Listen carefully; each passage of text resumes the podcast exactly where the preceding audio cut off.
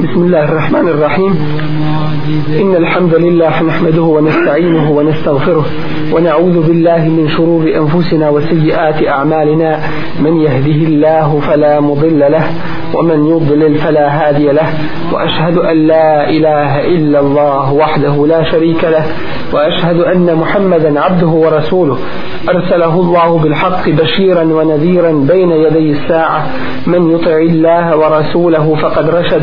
ومن يعص الله ورسوله فلا يضل يضر إلا نفسه ولا يضر الله شيئا أما بعد فإن أصدق الحديث كتاب الله وخير الهدي هدي محمد صلى الله عليه وسلم وشر الأمور محدثاتها وكل محدثة بدعة وكل بدعة ضلالة ثم أما بعد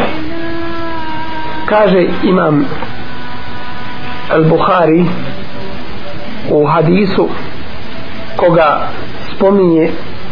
u poglavlju ili atesan bil kitabe o sunne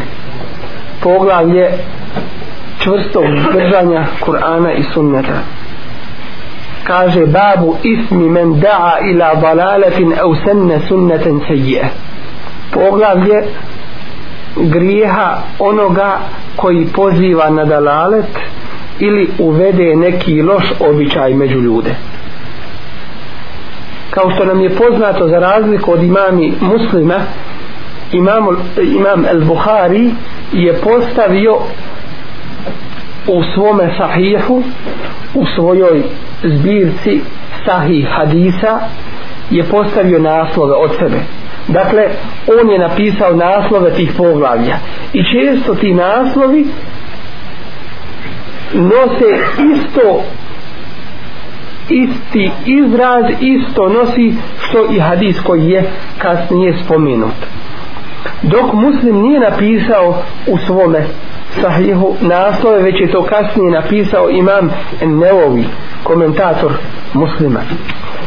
Buharija često u ovim naslovima nam kaže rješenje određene mesele određenog šarijatskog pitanja tako da kasnije navodi hadis koji samo je dokaz delil zato što je već rekao dakle govorimo o vrlo važnoj temi za nas sve muslimane a to je pitanje kakav je stav islama o onome ko uvede loš običaj ili ko poziva na dalalet ko su ti koji uvode loše običaje i koji su to loši običaji pa se zovu lošim običajima a nasuprot tome koji su to lijepi običaji i šta se po ti misli u hadisima Resulullah alaihissalatu wasalam i šta je lijep i ružan običaj u odnosu na novotariju sve ćemo to inša Allah ukratko sa Allahovom pomoć pojasniti kaže imam al-Bukhari babu ismi men da'a ila dalale poglavlje o grijehu onoga ko poziva na krivi put e u semne sunneten sejije ili uvede međunarod jedan loš običaj li qavli Allahi ta'ala i to po riječima uzvišenog Allaha žele šanu wa min euzari ladine yudillunahum bi gajri ilm ovo je dio ajeta koga spominje u sure el, el ankebut i kaže wa min euzari ladine i od tereta onih koje su na krivi put odveli bi gajri ilm neznajući iz džehla, iz neznanja dakle nosit će i grijeh onih koje su na krivi put odveli zatim kaže u hadisu broj hadisa 7321 pročitat ćemo sene ovoga hadisa da se učimo i ovome ako Bog da inša Allah قال الإمام البخاري رحمه الله حدثنا الحميدي قال حدثنا سفيان قال حدثنا الأعمش عن عبد الله بن مرة عن مسروق عن عبد الله قال قال النبي صلى الله عليه وسلم قال رسول الله عليه الصلاة والسلام ليس من نفس تقتل ظلما إلا كان على ابن آدم الأول كفل منها وربما قال سفيان من دمها لأنه سن القتل أولا قالوا من حديث رسول الله عليه الصلاة والسلام ليس من نفس تقتل ظلما ko, ko god bude ناومي na ovome svijetu nepravedno zulumom نيه znači بروبي nije šarijatski propisano da a koje je to šarijetski koji su, šta to čini čovjeka da može biti ubijen čovjek musliman šta to čini, troje ez zina badel ihsan da zinaluk ne uzubila ne mora ali počini nako što je bio oženjen ve et tariku li dinihi el mufariku li džemaati onaj ko ostavi svoju vjeru i napusti svoj džemat džemat muslimana misli se ispravan džemat kako treba i koje je treće ko ubije čovjeka bi gajri hak wa katlu nefstim bi gajri hak u ta tri slučaja dozvoljeno je ubiti muslimana ako počinje iz dinalog nakon što je oženjen ako je ubio nekoga bi gajri hak i ako je ostavio svoju vjeru u tom slučaju ne smatra se zulomom njegovo ubijstvo i to ubijstvo sprovodi ko imamul muslimin halifa muslimana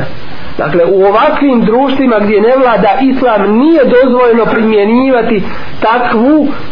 šarijatsku kaznu od pojedinaca ili od, od grupa muslimana koji ne imaju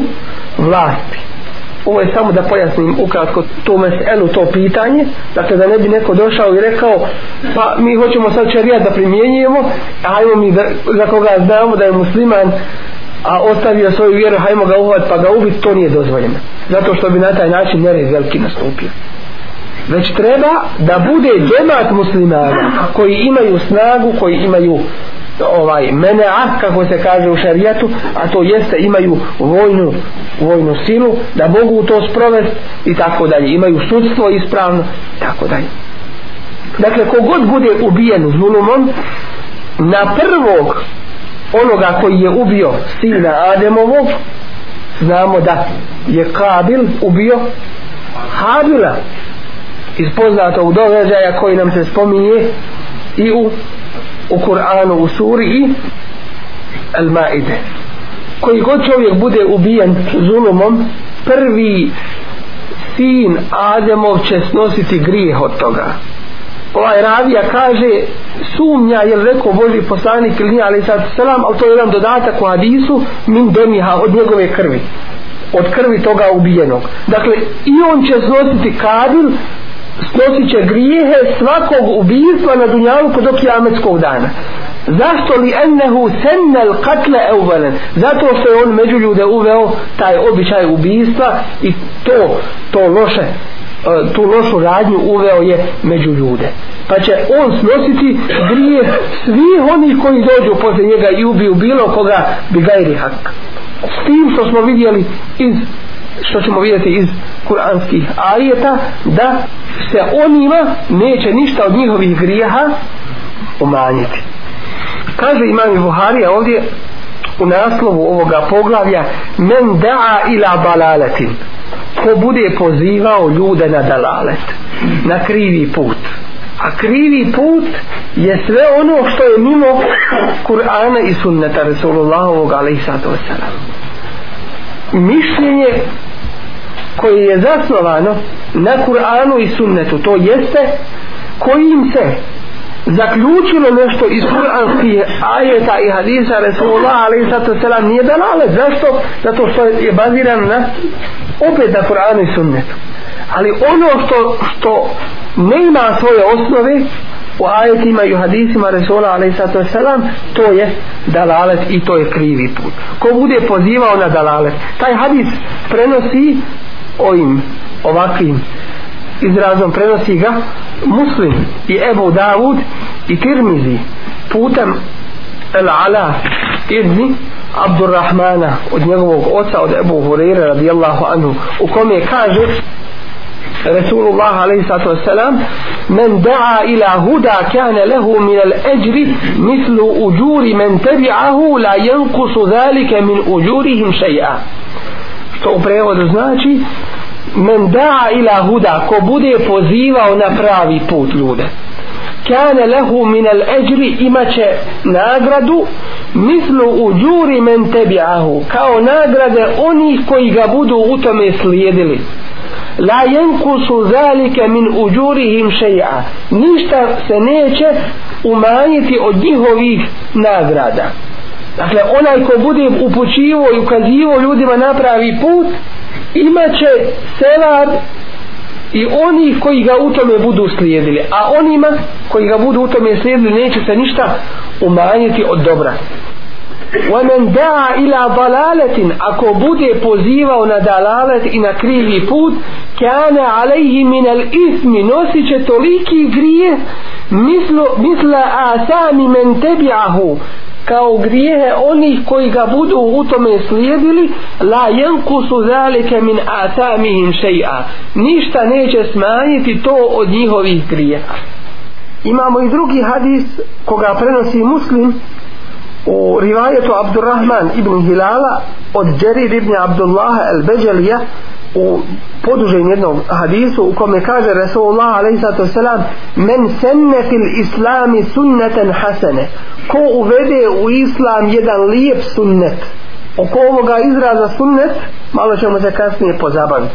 felehu ejruha wa ejru men amile biha ba'dahu min gajri en jenkusa min udurihim šeja imaće selab za to imaće nagradu za to i nagradu onih koji po tome budu nakon njega radili pazite ovo nakon njega radili i tome ćemo obratiti kasnije, kasnije pažnju s tim da se njima neće ništa od njihovih nagrada umanjiti ومن سن في الإسلام سنة سيئة أكو أسل... أو إسلام أوبد نكي لوش أوبيشاي kana alejhi vizruha na njemu će biti grije koga samog sebe što je to uradio wa vizru men amile biha ba'dehu i grijesi oni koji nakon njega budu potome radili min gajri an jenkusa min auzari im šeja s tim što se njima neće ništa umanjiti od njihovih grijeha prenosi ga isto tako putem Munzir ibn Đerira od njegovog oca s tim što se izraz šeien spominje ovde u nominativu kaže šeien neće se ništa umanjiti i isto tako Tirmizi drugim rivajtom prenosi od Đerira ali izrazom men senne sunnete hajrin ko uvede sunnet dobra ومن سن سنة شر إكو أوفيد سنة زلا objasnit ćemo što znači sunnet u osnovi sunnet znači put znači nešto što je već neko uradio znači jedan put koji je već neko prošao to znači sunnet u jednom jezičkom značenju i ovdje u ovim hadisima je došlo u tom obliku u smislu ko uvede u islam jedan loš sunnet jedan loš običaj dakle sunnet po ovome značenju što je neko radio prije može biti pohvalan a može biti i i pokuđen pa kada se kaže sunnet Resulullah ali i zato vselam onda je to pohvalno a kada se kaže sunnet faraona onda je to pokuđeno znači sunnet u jednom jezičkom značenju znači put neko je potom išao slijediš nekoga tim putem pa se kaže to je sunnet nekoga čiji je to sunnet kaže to je moj sunnet dakle sunnet može biti lijep i može biti ružan koji je lijep sunnet onaj koji je radio Resulullah alaihi salatu selam koji ima svoju osnovu u, u islamu po ovim hadisima možemo shvatiti da onaj ko uvede u islam nešto što je Resulullah alaihi salatu selam radio dakle u smislu oživi sunnet Resulullah wasalam, koji je zamro među ljudima, nepoznat kada oživiš taj sunnet imaš sevab za to i sevabe svih onih koji te u tome budu slijedili bilo koji od sunneta Resulullah wasalam, da ga oživiš i zato je puno važno uzeti i čitati sunnete i biografiju Resulullah da oživiš nešto od njegovog sunneta i drugo značenje ko uvede u islam jedan lijep sunnet to jeste nešto što koristi ljudima pa ga ljudi u tome budu slijedili kao što ćemo vidjeti u hadisu muslima koji je poduži a ja ću gledat da vam na samo u prijevodu pročitam u kome nam pojašnjava ovo pitanje kaže od Ebu Amr Džeri Ribni Abdullaha prenosi se da je rekao u sred bijela dana bili smo kod Allahovog poslanika sallallahu alaihi wasallam pa mu dođe jedna grupa ljudi golih i ogrnutih vunenim ogrtačima ili sa abajama od prugastog vunenog platna i sa obješenim sabjama bili su većinom odnosno svi iz plemena Mubarak na njima se primjećuje velik, veliki fukaraluk, ne imaština. Lice Allahovu poslanika sallallahu alaihi ve sellem izmijeni se kada vidje njihovu neimaštinu. On zatim uđe, pa izađe, pa onda naredi Bilalu da prouči ezan. Zatim klanja, pa ustane da održi govor, hutbu i reče, o ljudi, يا أيها الناس اتقوا ربكم الذي خلقكم من نفس واحدة تقوى رسول الله عليه الصلاة والسلام زنو زنو بوچنية سوية خدبة او يودي بويتش لواشي господара koji vas je stvorio od jednog čovjeka i od njega je stvorio bračnog mu druga وبث منهما رجالا كثيرا ونساء يودني زوية mnoge ljude i žene rasprostranio واتقوا الله الذي تساءلون به i bojte se Allaha čijim imenom jedni druge dozivate wal arham i čuvajte rodbinske veze i nemojte ih kirati inna Allahe kane bikum rahima rafiba Allah vas zaista osmatra i stanu nad vama bdi ovo je prvi ajit iz sure Enisa kad je proučio taj ajit Rasulullah alaihi sallatu sallam proučio ajit iz sure Al-Hashr 18. ajit يا أيها الذين آمنوا اتقوا الله ولتنظر نفس ما قدمت لغد او vjernici bojte se Allaha nek svaka osoba osmotri šta je spremila za sutra zatim kaže neka dijeli čovjek od svojih dinara od svojih zlatnika i dirhema srebranjaka od svoje odjeće od saa to jedna mjera pšenice od jednog saa svojih hurmi pa reče makar i polovinu hurme neka čovjek dadne dođe jedan čovjek od Ensarija sa zavežljajem toliko teškim da su mu ruke iznemogle. Prvi dođe. Ovdje je šta je ovo hoćemo da istaknemo u ome hadisu. Dođe prvi među, među taj narod i donese sadaku. Ljudi su dolazili i donosili darove dije i sadake. Ugledali se na to, on ih je potakao tim svojim darežljivim darom koji je učinio. Tako da sam vidio, kaže ovaj ravija, dvije velike hrpe hrane i odjeće. Lice Allahova poslanika, ali sato selam, zbog toga je tako zasjelo kao da je pozlačeno. Poslanik, ali sato selam, reče tada taj hadis. I ovo se zove u hadiskoj nauci esbabu vurudil hadis. Uzrok zašto je jedan hadis rečen često moramo znati zašto je određeni hadis rečen da bismo znali da protumačiti u određenom smislu, u određenom kontekstu ko što znamo da ima esbabu nuzul il Kur'an uzrok objave određenih ajeta u Kur'anu, nešto se desilo, pa je Allah objavio taj ajet. Tako je i ovo. Nešto se desilo, pa je Resulullah a.s. rekao određeni hadis. Kad znamo uzrok šta, toga šta se desilo, uzrok ovoga hadisa, kad znamo događaje koji su bili povodom da se kaže određeni hadis, onda nam je lakše shvatiti i značenje samog hadisa. Nakon ovog događaja Resulullah alaih sallam sal, kaže ko uvede jedan lijep običaj u islam imat će za to nagradu a i nagradu za sve one koji poslije njega to budu radili. Dakle, on je taj ensarija naveo je druge da dadnu isto sadaku. Pa se njemu piše i za njega i za one druge, a drugima se ništa neće umanjiti a da se ne umanji njihova nagrada. Ako uvede u islam jedan ružan običaj, bit će mu teret i teret svih onih koji ga čine poslije njega, bez umanjenja njihovog tereta. Dakle, iz ovog hadisa vidimo koliki je sevab, kolika je nagrada da se uvede nešto od dobra, bilo da se oživi međunarod, bilo da se oživi sunnet, Resulullah alaih sallam koji je zamro među ljudima ili neko dobro da čovjek bude inicijator da potakne ljude u tome dobro vidiš da je potrebno da imamo džamiju u mjestu gdje je ne ima pa ti budeš ti taj koji je potakao druge ljude ustaneš među ljudima i kažeš ljudi nama treba džamija kogod dadne i ti ima za to se vaba kao da si sam džamiju napravio jer si drugima ukazao na hajr men della ala hajrin et dalu al hajri ke fa'ili onaj ko ukaže drugima na hajr je kao da je i sam taj hajr uradio nasijat kad koga nećemo posavjeti još pa on to uradi kao da si to sam sobom uradio dakle tolika je toliki je sevab od toga i Resulullah alaih sallam sal, kaže u svome hadizu koga prenosi Tirmizi i Ibnu Mađe naddarallahu abden semi'a me kaleti Allah usrećio svoga roba koji čuje nešto od moga govora Resulullah alaih sallam sal, kaže pa kaže prenese na druge kao što je čuo pa možda će onaj kome je on prenio to bolje razumiti to što sam ja rekao nego taj koji je to prenio dakle kada ukažeš na hajr imaš sevap od toga a Resulullah ali sad sam pored ovoga što nam kaže da prenosimo njegove hadise kaže u drugom e,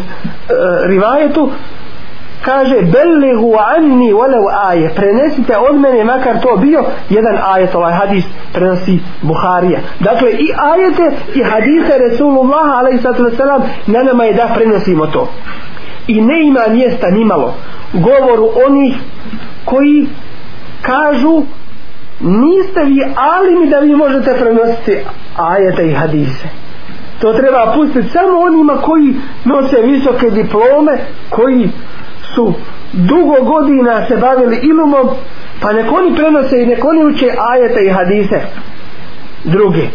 ako bismo ograničili na to onda bi se vrlo malo iluma proširilo i onda bi najveći dio iluma ostao nepoznat ljudima nego na svakome od nas je po hadisu Resulullah a.s. da da prenese onoliko koliko zna to je to ne ono što ne zna, to ne smije nego onoliko koliko zna od ajeta i od hadisa Resulullah a.s.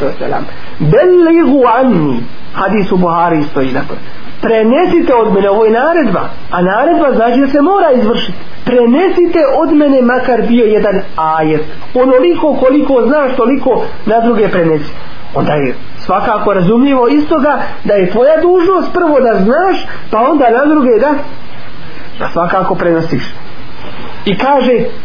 Rasulullah alaihi sallatu sallam u hadisu koga prenosi i Buharija i Muslim, dakle mutefakun alaihi, men yuridillahu bihi khairan yufaqihu fid din. Kome Allah tjedne dobro, nauči ga razumijevanju vjere.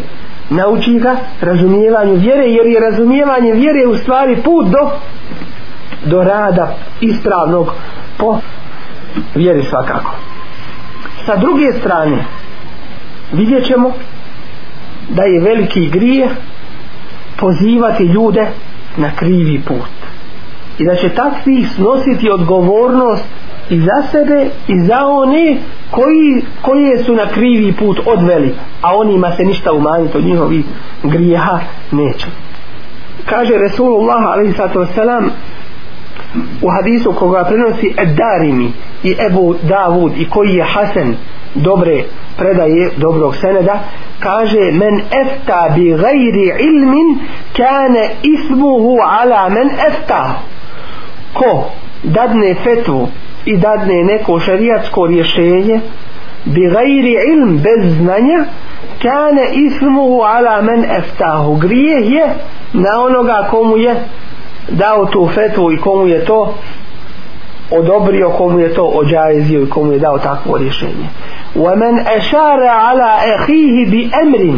A ko ukaže svome bratu muslimanu na nešto يَعْلَمُ أَنَّ الرُّشْدَ فِي غَيْرِهِ znajući da je ispravno i bolje u nečemu drugom a ne u tome što mu on govori فَكَدْ خَانَهُ on ga je izdao on ga je prevario, on ga je obmanuo i, i izdao pogledajmo u suri El Ankebut u ajetu koji smo malo precitirali podrobnije šta nam Allah kaže o onima koji odvode na krivi put i koji govore vjeru po svojim prohtjevima a vjeru propisuje samo Allah i niko drugi da vidimo šta nam Allah uzvišeni kaže u ovim ajetima وَقَالَ الَّذِينَ كَفَرُوا لِلَّذِينَ آمَنُوا i kažu oni koji ne vjeruju šta znači koji ne vjeruju ne znači samo da je za nijeko Allaha šeitan ne vjeruje a šeitan je od onih koji su najviše ubijeđeni u postojanju uzvišenog Allaha jer je govorio sa uzvišenim Allahom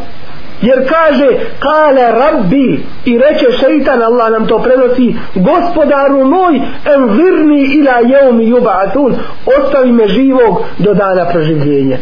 pa šeitan kaže Allahu obraćajući se gospodaru moj govorio sa Allahom, čuo Allahov glas i priznaje Allaha kao gospodara, al mu nije mutir, al mu nije pokoran i zato Allah kaže eba, ve stekbare ve kane minel kafirin odbio je, uzoholio se i postao kafir Dakle, nije samo kazir ateista.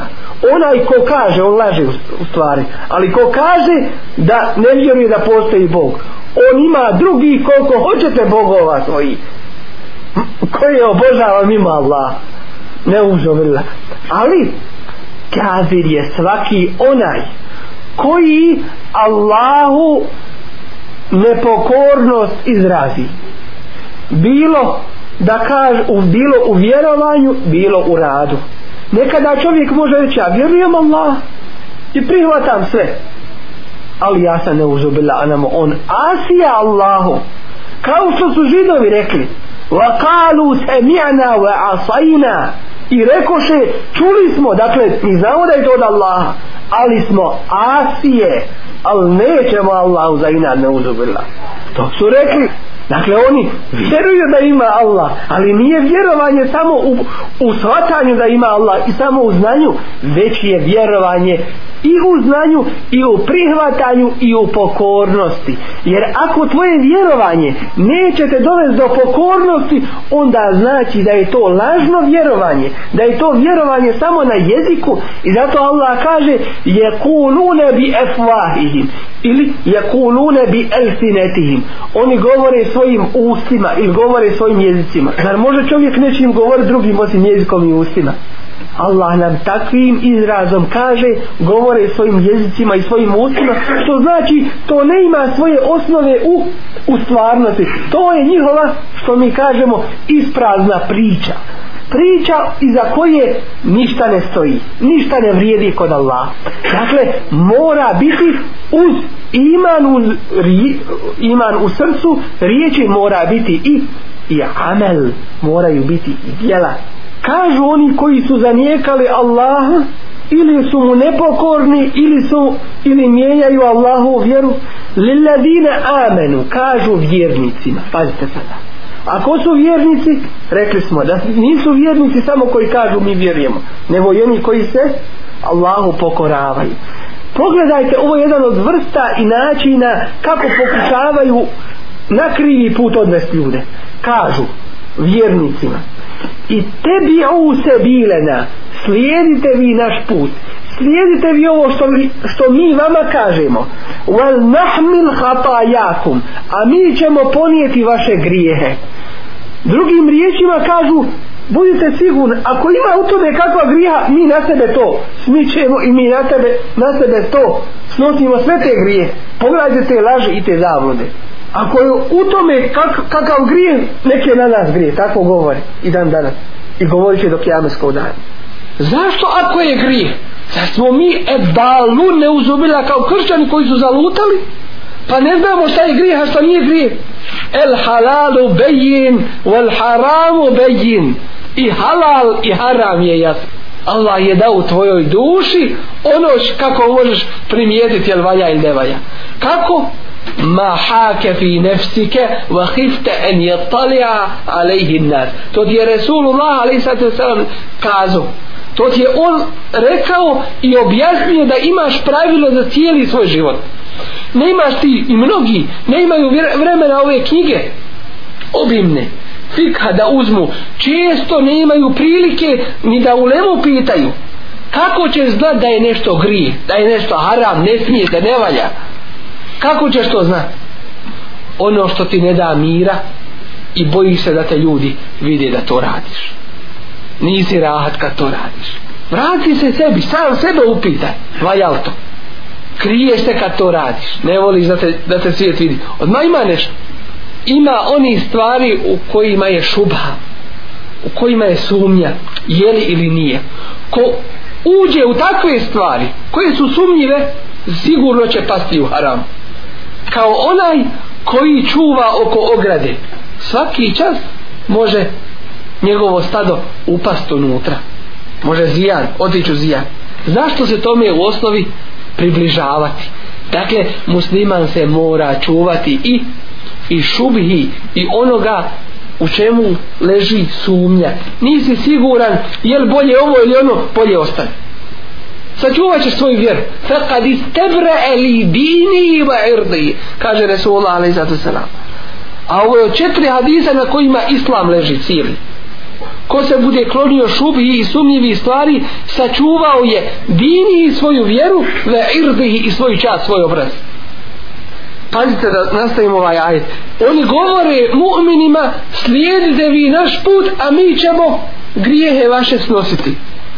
وَمَا هُمْ بِحَامِلِينَ مِنْ خَطَايَاهُمْ مِنْ شَيْ ništa oni neće to jeste na kijameskom danu htjeti ponijet od njihovi grijeha jer će se oni o sebi zabaviti na kijametskom danu wa e, innahum lakadibun oni su samo veliki lažovi wala yahmilun asqalahum ali Allah će dati Allah će ih natovariti eskalehum njihovim grijesima i njihovim tovarima ve eskalen ma eskalihim i drugim i drugim teretima uz one koje oni i onako nose wala yus'alunna yawm al-qiyama a sigurno će biti pitani na kıyametskom danu amma kanu yaftarun o onome što su iftiru donosili govorili to jeste što su lagali na uzvišenog Allaha dželle A kakav je hukum takvi? Šta Allah kaže za takve koji mijenjaju Allahovu vjeru i olako drže do Allahove vjere i krivo je tumače inne ledine jeftaruna ala Allahil kezibe la yuflihun oni koji izmišljaju lažna Allaha nikad uspjet neće mufesiri kažu nikad iz džehennema izad neće i nikada u džennetu ući neće la yuflihun koji budu na krivi put odvodili i koji budu ljudima krivo govorili ne samo to je jedna napomena vrlo važna u ome svemu a to je nekada čovjek ne tumači krivo ali učestvuje u tuđem dalaletu neko će postaviti pitanje kako ja mogu biti odgovoran za nešto što nisam uradio da li će čovjek biti bit pitan za nešto što nije uradio hoćeš, bit ćeš pitan za nešto što nisi uradio ako si to trebao uraditi i ako si to bio dužan uraditi I zato svako ko zna, ne samo ulema, ne samo učeni, već i oni koji su naučeni, onoliko koliko su naučeni, dužni su prenijeti na druge. Jer ako budeš šutio i ne budeš tumačio Allahu vjeru, onda gdje si pozvan i dužan da je objasniš ljudima, pa ljudi budu krivo radili i ti snosiš njihov grije. Jer si učestvovao u njihovom dalaletu. Šta je za to delio? šta je za to dokaz Kur'an uzvišen Kur'anski ajet إن الذين يكتمون ما أنزلنا من البينات والهدى oni koji budu sakrivali ono što smo mi objavili od jasnih dokaza i pravoga puta min badima beđe nahulin nasi fil kitab nakon što smo to ljudima u kitabu obejanili i jasno kazali ulaike alledine jel'anuhumullahu to su oni koje Allah proklinje zbog čega ih proklinje proklinje. Šta su to uradili? Zato što su šutili. Zato što nisu objašnjavali istinu. Jer ova vjera je veliki emanet. وَيَلْعَنُهُمُ اللَّعِنُونَ I proklinju i svi oni koji mogu da proklinju. إِلَّا الَّذِينَ تَابُوا Osim oni koji te obe dođu, pokaju se wa aslahu i poprave svoja dijela wa bayyanu i ljudima obejane i kažu izađu pred svijet i kažu ovo je istina nije ono što sam prije govorio ili što sam šutio fa ulaika etubu alaihim Allah kaže takvima ću ja te obe doći i prihvatiti njihovo pokajanje dakle nekada čovjek može učestovati u tuđem dalaletu svojom šutnjom jer vidimo u hadizima Resulullah selam da su njegove riječi njegova dijela i njegova šutnja isto tako šerijatski dokaz ako je vidio da se nešto radi a ušutio znači kaže ulema to je svojom šutnjom Božji poslanik ali sad sam odobrio i tako je i kod nas kad neko u našem društvu nešto uradi, a mi ušutimo na tome, onda će neko doći i reći, e taj i taj je uradio u društvu toga i toga, a on nije ništa rekao, znači da je to u redu. A on je učeniji od toga i tako dalje. Ili, ko što će neki reći, pa gdje je do sada ulema bila? Što do sada ulema to nije objašnjavala? Šta je sa, sa ulemom koji su bili prije? objašnjavala je ulema i ako otvorimo kitabe vidjet ćemo da su o svemu i svačemu govorili samo što se nastojalo i nastoji od strane neki da se pokrije to da se, da se ne zna za to da se ljudi zabove drugim pitanjima i drugačijim poslovima a onaj alhamdulillah ko se na Allahovom putu potrudi ko bude uzrokom nečije upute sa druge strane imaće zasigurno nagradu za to i za sebe i za druge koji su ga u tome slijedili pogledajmo kuranski ajit u kome Allah uzvišeni kaže u sura At-Tur ajet 21 والذina amanu i oni koji budu vjerovali وَاتَّبَعَتْهُمْ ذُرِّيَّتُهُمْ بِيْمَانِ svakako radili dobra djela i budu ih njihove porodice, njihova djeca budu ih slijedili u tome imanu الْحَقْنَا بِهِمْ ذُرِّيَّتَهُمْ mi ćemo im pridružiti njihov porod, njihovu djecu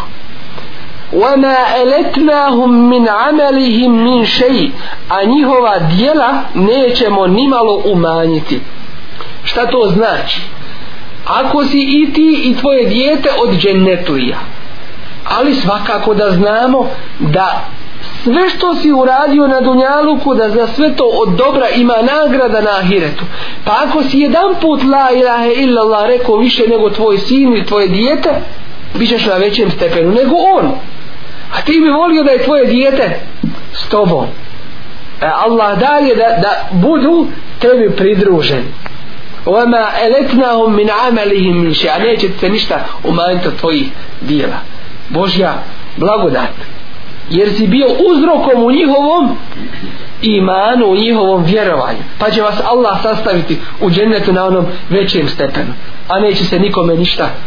oduzeti. A ono me ne uzubila ko je u dalaletu učestovao, on će snositi i svoje grijehe i grijehe oni koji je zaveo bez znanja. Da još malo objasnimo šta znači loš sunnet. Šta to znači? To znači uvesti nešto među ljudima od običaja što je loše. Kao što smo vidjeli da će snositi grije svih ubistava zulumom koja, koja će biti učinjena do kijametskog dana snosit će ih ko? onaj Ademo alaihissalam sin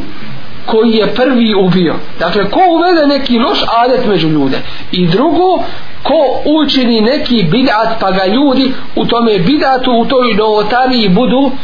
slijedili i zato je vrlo opasno ne samo da čovjek uvede neku novotariju u vjeru već je vrlo opasno da radi po novotariji pa, ga, pa se u njega drugi ugledaju pogledajmo ovdje kaže El Muhelleb u komentaru ovih hadisa koje smo spomenuli ovi hadisi nas upozoravaju da se klonimo dalaleta i da se dobro čuvamo novotarija i novih poslova u vjeri i nose u sebi zabranu da se suprostavljamo putu mu'mina, to jeste putu Kur'ana i sunneta. To u tome shvatamo sada objašnjava komentator Buharije, to jeste Ibn Hajar el Askarani u svome dijelu Fethul Bari, šerhu sahih Buhari, kaže to shvatamo istoga što onaj koji uvede novotariju nekada je ta novotarija nešto malo, nešto neznatno, neprimjetno kod ljudi. On i ne osjeća opasnost toga, ali ono što dolazi iza toga što će ljudi na to nadodati puno je veće pa će do njega doći grije svi oni koji su kasnije radili po tome jer je on bio osnivač toga dalaleta i toga krivog puta makar on ne radio po tome ali je bio osnovao tu novotariju makar to bilo svakako i nakon njegovog života dakle čovjek se mora kontrolisati i paziti u svome životu gledati šta radi jer ono što uzrokuje bilo od hajra ili od šerra od dobra ili zla nosit će i za to ili sevab ili ne daj Bože kaznu posebno u ovome vremenu u kome mi danas živimo dužni smo se prihvatiti prakse Resulullaha sallallahu alaihi ve sellem to zato što nam Resulullah alaihi sallallahu alaihi ukazuje na vrijeme koje će doći poslije njega da će ljudi mnogo toga uvesti mnogo toga u, u svoju vjeru ubaciti što nije od vjeri i zato je često upozoravao svoj ummet i govorio čuvajte se novotarija jer one odvode na krivi put odvode na, na dalalet svaka novotarija jeste dalalet ovdje da pojasnimo pitanje dalaleta Allah a.s. kaže svaka novotarija je dalalet kako onda shvatiti sunnet kažemo postoji lijep sunnet a bidat je svaki ružan i ne može bidat biti hasen lijep bidat ne postoji jer Resulullah a.s. kaže jer je svaki bidat loš jer je svaki bidat dalalet šta znači bidat u osnovi bidat u osnovi znači arapskog jezika uzeti od riječi ibteda znači uvesti nešto što u osnovi nije postojalo u vjeri i kaže mu u vjeri jer u dunjalučkim stvarima bidat ne postoji kako ćeš kuću napraviti kakva će škola voziti od ovih dunjalučkih poslova tu ne postoji bidat bidat biva samo u u vjerskim pitanjima i bidat znači da uvedeš u vjeru što nije postojalo što nije postojalo dakle od riječi ibteda učiniti nešto novo što nije postojalo od toga je ime uzvišenog Allaha Đelešanu gdje kaže bedije usemavati wal ard Allah je taj koji je stvorio nebesa i zemlju bedija iz ničega nije, nisu nebesa i zemlja prije postojali pa je on taj koji je bedija koji je nebesa i zemlju iz ničega stvorio dakle bida biva u vjeri i biva u onim stvarima koje su nepoznate vjerom uvedene u vjeru i nije šart i nije uslov za bida da ima zabrana jer ako ima zabrana onda je to haram pa ne bismo pravili razliku između bidata i harama svaki bidat je u osnovi zabranjen načelno hadisom sve što je novo u vjeru uvedeno to je zabranjeno a zabrana haram ima svoj delil iz Korana ili iz sunneta nemojte to raditi ne smijete se to raditi teško onome ko to radi proklet bi onaj ko to radi kazna je ta i ta onome ko to radi i tako dalje iz tih takvih izraza razumijemo da je dotična radnja haram i da se ne smije raditi. Dakle, čovjek se mora kloniti tih bidata i novotarija koji bivaju u vjeri. I još jedno pitanje na kraju ovoga svega da pojasnimo, a to je pitanje teravih namaza. Neki nam postavlja pitanje. Kaže Omer radijallahu anhu kad je vidio u svoje vrijeme ljude da klanjaju teravih namaz, kaže lijepo gljevoga bidata. Kako to protumačiti? Taj hadis. Kao Prvo, prenosi se u Buhari i Muslimu. Hadis Zaid ibn Sabita, da je Boži poslanik, ali i sallam, klanjao u svojoj džami namaz, noćni namaz. Pa su ljudi kad su vidjeli da klanja, došli iza njega i počeli klanjati. Zatim nisu ga čuli jedne noći da klanja. Boži poslanik, ali i sallam, da je došao klanjati. Pa su mislili da je zaspao, pa neki počeše se nakašljavati kao što kod nas neki kad ima modulje kažu to ne smije to, to, to se ne smije u namazu batalo bi namaz ko to namjerno radi ako nekome izađe slučajno neka se popravi ali ne smije to namjerno raditi Božijem poslaniku, ali sam sam, htjeli su na taj način da ga upozore, nisu oni bili u namazu, nego da ga na neki način dozovu da dođe klanjati taravi namaz pred njima. Pa on reče, tako ste vi nastavili raditi, dakle šta ste nastavili raditi, klanjati teravih nama za, za mnom, tako da sam se povojao da će vam biti naređeno, da vam postane farz. To kaže Resulullah Isus. A da vam je naređeno farz da, da bude teravih namaz, ne biste to mogli obavljati. Pa klanjajte, kaže im Resulullah Isus, klanjajte kod svojih kuća jer je najbolji namaz koji klanjate namaz čovjeka u svojoj kući osim farz namaza ovaj hadis je prenos prenešen kod Buharije i kod muslima kako shvatiti ovaj hadis to znači Resulullah ali sad sam pobojao se da im ne bude naređen farzom teravih namaz pa je prekinuo klanjati džematile prekinuo klanjati u džematu i drugo tada je dosta bilo oni koji su pamtili Kur'an znali ga na pamet pa su kod kuće svoje mogli koliko hoće učiti to je jedan hadis drugi hadis koga nam preosi Ebu Hureyre radijallahu anhu a nalazi se u muslimovoj zbirci hadisa kaže Resulullah sallallahu alaihi ve sellem podsticao je ljude da klanjaju uz Ramazan noćni namaz ali im nije naređivao strogo naređivao pa bi govorio ko bude namaz klanjao na večer uz Ramazan vjerujući Allaha nadajući se Allahovoj nagradi i ustrajavši u tome biva mu oprošteno bu, budu mu oprošteni grijesi koje je prije učinio pa je preselio Resulullah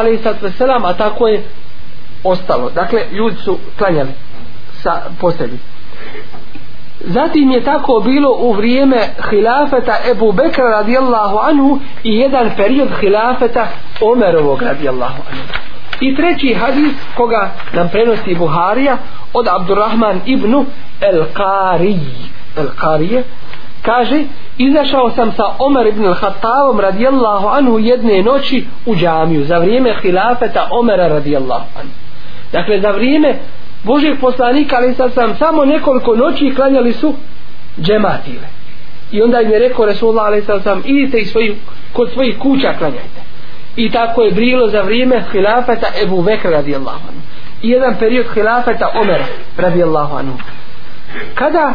pogledajte da kaže ovaj ravija izašao sam sa Omerom radijallahu anhu jedne noći u mesčin kad ljudi u grupama klanjaju čovjek klanja sam po sebi čovjek klanja za njim nekoliko ljudi i tako dalje pa reče Omer da sakupim ove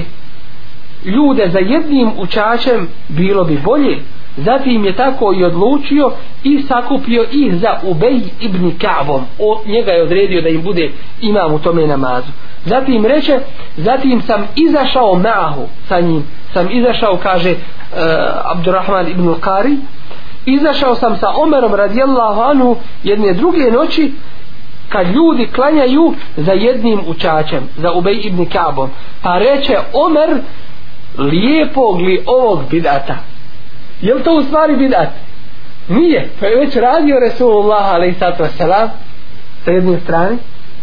Resulullah alaih sato selam je to radio pa kada se poboja da će biti farz rekao klanjajte u svojim kućama da li postoji opasnost da će postati farz za vrijeme Omer radijallahu anhu ne postoji jer više vahaj ne dolazi. Dakle, to u stvari i nije bidat, ali ga tako nazva Omer radi Allah, on kaže lijepo gleda od bidata, a i nije u stvari to. Bidat već je imao svoju osnovu kod Resulullah ali sad sam. I isto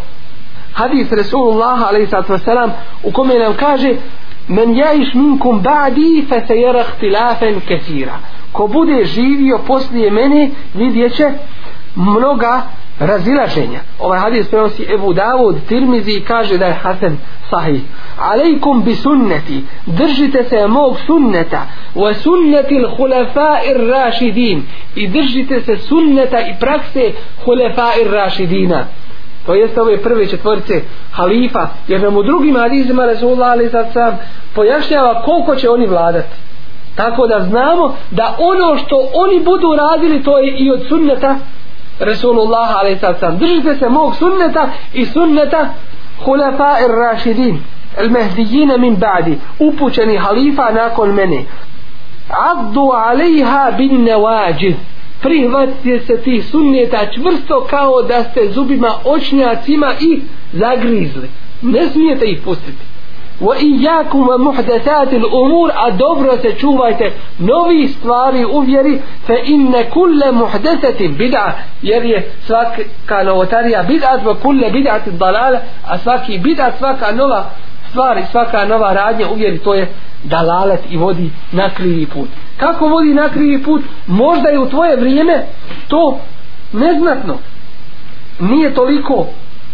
ذاتبه بيتنو nešto si malo uradio, ali ljudi na to dodaju toliko da da se to puno proširi. Navešu vam ovdje jedan događaj za vrijeme jednog od ashaba prenosi Eddarini vjerodostojnim sahih senedom da je Ebu Musa el-Eš'ari rekao Ibni Mes'udu radijallahu anhu vidio sam u džami ljude kako sjede u halkama i iščekuju nama šta dalje radi u svakoj halki nalazi se po jedan čovjek a u rukama su im kamenčići pa on govori učite tekbir veličajte Allah Allahu ekber stotinu puta pa oni stotinu puta kažu Allahu ekber zatim on ponovo kaže izgovarajte la ilaha illallah stotinu puta pa oni izgovore la ilaha illallah stotinu puta zatim on ponovo kaže recite subhanallah stotinu puta pa oni ga u tome slijede i kažu subhanallah po stotinu puta pa oni izgovore subhanallah stotinu puta na to će Ibnu Mes'ud radijallahu anhu zašto im nisi naredio da broje njihova loša djela koliko će loših dijela tim takvim postupkom zaraditi ko bi rekao šta je to loše istihfa la ilaha illallah subhanallah allahu ekber ali na taj način na koji taj zikr obavljate nije u redu jer tako Resulullah ali sad sam nije radio ko ovo kaže najpoznatiji najpriznatiji ashabi Ebu Musa Elešari i Ibnu Mesud Abdullah Ibnu Mesud kaže a ja im garantujem da od njihovih dobrih dijela neće propast ništa zašto im treba to da broje po stotinu puta kamenčićima na te načine tako da, da zikre da tako i bajete jer se boje da će im nešto propast od njihovih dijela neće propast ali neka uzmu i neka pobroje svoja loša dijela koja će dobiti zatim je otišao do jedne halke stao pored njih i rekao šta to vidim da radite odgovorili su oće Abdurrahmanom kamenčićima brojimo tekbire tehlile la ilaha illallah tezbije subhanallah i tahmide elhamdulillah a on im je na to rekao prebrajajte vaša loša vaša hrđava dijela a ja garantujem da od vaših dobrih dijela neće propast ništa teško vama o ummetu Muhammedov kako brzo srljate u propast evo vam njegovih poslanikovih ashaba prisutnih u velikom broju i eto vam odjeće njegove Resulullahove još se ni raspala nije tako mi onoga učio je ruci moja duša vi ili ste uvjeri bolji od Muhammedove alaihi sato selam ili otvarate vrata zablude i propasti oni su mu na to rekli oče Abdurrahmanov tako nam Allaha samo smo dobro željeli a on je dodao koliko je onih koji žele dobro ali ga ne dokući to znači nije dovoljno samo imati čist nijest reći ja imam čist nijet, ja imam lijepu namjeru, ja hoću to i to da radim. Ne može. Ova vjera je od Allaha propisana i dužnost je slijediti i raditi po toj vjeri i na taj način će čovjek inša Allah biti nagrađen za to svoje dijelo od uzvišnjeg Allaha i bit će mu priznato kod svevišnjeg gospodara Tabara Kavatana bit će mu priznato pod uslovom isto tako uz to da je urađeno kako treba po islamu i da je u ime Allaha